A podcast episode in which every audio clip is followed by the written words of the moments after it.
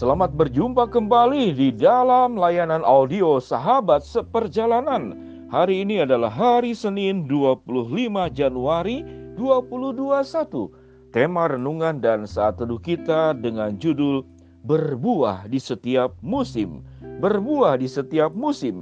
Firman Tuhan terambil dalam Mazmur pasal yang pertama ayat pertama sampai dan dengan keenam. Demikian bunyi firman Allah. Berbahagialah orang yang tidak berjalan menurut nasihat orang fasik, yang tidak berdiri di jalan orang berdosa, dan yang tidak duduk dalam kumpulan pencemooh, yang kesukanya Taurat Tuhan dan merenungkan Taurat itu siang dan malam. Ia seperti pohon yang ditanam di tepi aliran air, yang menghasilkan buah pada musimnya, yang tidak layu daunnya, apa saja yang diperbuatnya berhasil. Mari kita berdoa. Bapak yang di dalam surga, sungguh indah jikalau kami punya tanaman yang setiap musim, setiap keadaan itu selalu bisa menghasilkan buah dan buah yang baik, buah yang luar biasa yang memberikan sumber-sumber vitamin dan zat-zat yang dibutuhkan untuk kesehatan tubuh kami. Demikian juga kami sebagai orang percaya. Kami ingin menjadi seperti pohon yang bisa berbuah di setiap musim. Di dalam nama Tuhan Yesus kami berdoa. Amin. Sahabat seperjalanan yang dikasih Tuhan, saya punya pohon alpukat yang ada di depan rumah saya yang ditanam oleh istri saya. Jadi pohon alpukat itu diberikan oleh kakak ipar, lalu kemudian ditanam, lalu tumbuh dengan baik dan pada ah, awal-awalnya itu menghasilkan buah alpukat yang sedemikian lebat luar biasa sampai kami satu rumah tidak mungkin memakannya semuanya sehingga kami bagi-bagikan kepada orang lain.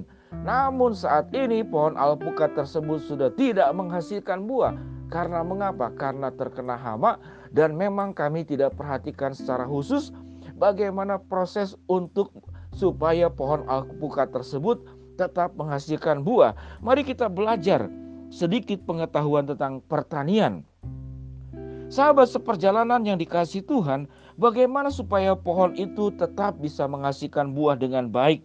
Maka ada langkah-langkah yang harus dilakukan, yaitu harus diberikan pengairan yang cukup, pemupukan, pemangkasan, sama kemudian menghindari berbagai macam hama-hama tanaman. Hama-hama tanaman itu ada yang dari binatang, dari tikus, dari ulat, dari walang sangit, dari hama wereng. Ada juga penyakit tanaman yang karena pembusukan akar, pembekakan akar, ataupun infeksi akar. Dan untuk bisa menghasilkan buah yang eh, pohon yang terus menghasilkan buah, para ahli tanaman mengatakan maka dibutuhkan sebuah kemampuan eh, kita harus mengubah unsur karbon dan nitrogen supaya rasionya tinggi dan zatnya itu disebut dengan zat tumbuh, zat pengatur tumbuh Zat pengatur tumbuh itu itu ada empat unsur yaitu ausin, giber, giberelin, kemudian poklobutrasol, kemudian potasium klorat. Tentu kita bukan belajar tentang biologi. Namun apa hubungannya di dalam kehidupan kita? Sebagai orang percaya, kita bisa menghadapi sebuah kehidupan yang tidak menghasilkan apa pun. Masalah-masalah hidup di dalam dunia ini yang saat ini sekarang kita hadapi itu adalah hama-hama kehidupan salah satunya termasuk corona atau COVID-19. Kita bisa diperhadapkan kepada masalah seperti tumbuh-tumbuhan yang menghadapi masalah. Ada tikus, ada ulat, ada walang sangit, ada wereng. Ada kemudian musim kemarau, ada musim hujan, ada musim paceklik. Kita bisa gagal panen dalam kehidupan ini. Rupanya kehidupan kita sebagai orang percaya dan kehidupan makhluk-makhluk hidup lain termasuk binatang dan tumbuh-tumbuhan mereka pun juga mengalami persoalan-persoalan yang sama. Dan bagaimana mengatasinya? Kita juga punya sebuah persoalan-persoalan kehidupan yang sama. Sehingga setiap makhluk hidup mengalami persoalan yang sama. Untuk tanaman kita sudah bahas dengan saya sudah bahas sebelumnya Mari kita bahas sebagai orang percaya, bagaimana kita tetap bisa kuat, kita tetap bisa menghasilkan buah di setiap musim. Firman Tuhan berkata, hindari hama kehidupan. Apa itu hama kehidupan? Yaitu pergaulan buruk. Mazmur 1 ayat 1 dikatakan jangan engkau mendengar nasihat orang fasik, jangan berdiri di orang di jalan orang berdosa dan jangan duduk dalam kumpulan pencemooh.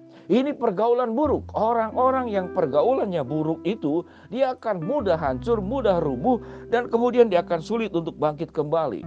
Mari kita berbicara tentang hal yang sederhana, orang baik dan orang yang tidak baik. Orang yang tidak baik kalau menghadapi problem dan masalah seperti saat yang kita hadapi sekarang ini, biasanya orang akan malas untuk menolong. Kalau dibantu juga percuma. Dulu pernah saya bantu, namun tetap dia tidak berubah. Dulu pernah saya tolong dia, namun setelah dia berhasil, dia tidak mengucapkan terima kasih, dia tidak mengembalikan apa yang dipinjam. Itu orang yang tidak baik. Saya mempercayakan sesuatu kepada dia, dia punya kesempatan untuk mengembangkan, namun dia tidak melakukan. Akhirnya orang yang tidak baik yang terbiasa hidup di dalam lingkungan hama, lingkungan orang fasik, lingkungan orang berdosa, lingkungan pencemooh, maka dia tidak akan menghasilkan buah kembali karena kenapa? Karena perbuatannya, karena kelakuannya. Namun orang yang baik yang bisa dipercaya, yang sewaktu ditolong dia menghargai pertolongan dan dia menunjukkan sebuah usaha yang terbaik. Saya melihat di dalam saat-saat corona ini itu banyak orang-orang baik yang pada saat mengalami kesulitan banyak orang yang mengulurkan tangan, banyak pintu yang terbuka untuknya, banyak jalan yang dimudahkan oleh dia, yang dimudahkan oleh orang lain untuk dirinya. Itu orang-orang baik. Sehingga sahabat seperjalanan, kalau kita hidup di dalam Tuhan, kita akan menjadi orang yang baik. Apa itu orang yang baik? Menghindari pergaulan yang buruk, yang kesukanya adalah Taurat Tuhan, yang merenungkan Taurat siang dan malam, dan tatkala orang hidup di dalam Taurat Tuhan, dia akan memangkas hama-hama di dalam dirinya, penyakit-penyakit kepribadian di dalam dirinya, karakter-karakter buruknya itu akan dipangkas dalam kehidupannya. Sehingga sampai saat sekarang saya meyakini bahwa orang-orang yang baik dalam kehidupannya itu yang dikatakan tidak bergaul di dalam pergaulan yang buruk, tidak mengikuti kebiasaan orang-orang fasik, orang berdosa dan pencemooh, namun kesukanya hidupnya adalah Taurat Tuhan merenungkan Taurat siang dan malam dan mendalami Taurat itu dan menghidupi Taurat itu, hidup di dalam kebenaran firman Allah, maka dia akan jadi orang baik. Orang baik itu saya banyak melihat selalu jalannya itu dimudahkan. Ada yang pintu terbuka, saya katakan ada tangan yang terulur, ada jalan yang dimudahkan dan orang cepat untuk menolong orang-orang seperti demikian. Sehingga masalah itu bisa menjadi berbeda. Orang menghadapi masalah yang sama, namun yang satu dimudahkan, yang satu tetap di dalam kesulitan. Dan tentu yang paling utama, Tuhan yang menolong kita, Tuhan yang membantu kita, Tuhan yang akan menjaga kita. Sahabat seperjalanan yang dikasih Tuhan, Mungkin saat ini kita seperti tanaman yang diserang hama tikus, hama ulat, walang sangit, hama wereng. Kita mengalami pembusukan dari akar mungkin ranting atau dahan atau daun atau buahnya mengalami pembusukan. Biarlah kita boleh menjadi seperti orang-orang yang dikatakan berbahagia di dalam Mazmur 1 ayat 1 sampai ke 6. Jadilah orang-orang yang baik di dalam Tuhan. Jangan jadi orang yang tidak baik. Hindari pergaulan yang buruk, sukai firman Allah, hidup di dalamnya, bersedia kebiasaan-kebiasaan seluruh karakter-karakter buruk kita itu dipangkas. Jadilah orang yang bisa dipercaya, jadilah orang yang berjuang, jadilah orang yang bisa berterima kasih setelah engkau ditolong. Maka saya percaya lingkungan menolongmu, orang-orang menolongmu, dan tentu Tuhan akan menolongmu, dan engkau akan tetap berbuah di setiap musim. Mari kita berdoa. Bapak yang di dalam sorga, hambamu berdoa buat sahabat seperjalanan yang sedang sakit di rumah sakit maupun di rumah. Tuhan jamah, Tuhan sembuhkan. Buat sahabat seperjalanan yang sedang menghadapi kendala, kesulitan, hambatan, rintangan, dan masalah dalam kehidupan, Tuhan bukakan jalan. Buat sahabat seperjalanan yang sedang berdoa, meminta, berharap sesuatu kepada Engkau, Tuhan akan kabulkan permohonan kami sesuai dengan waktu, rencana, dan kehendakmu.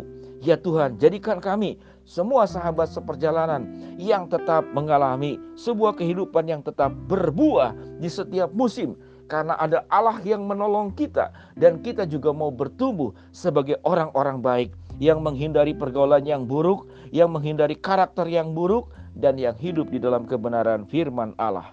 Di dalam nama Tuhan Yesus kami berdoa. Amin. Shalom sahabat seperjalanan. Tuhan memberkati kita semua. Tetap engkau menjadi pribadi yang bisa berbuah di setiap musim. Shalom.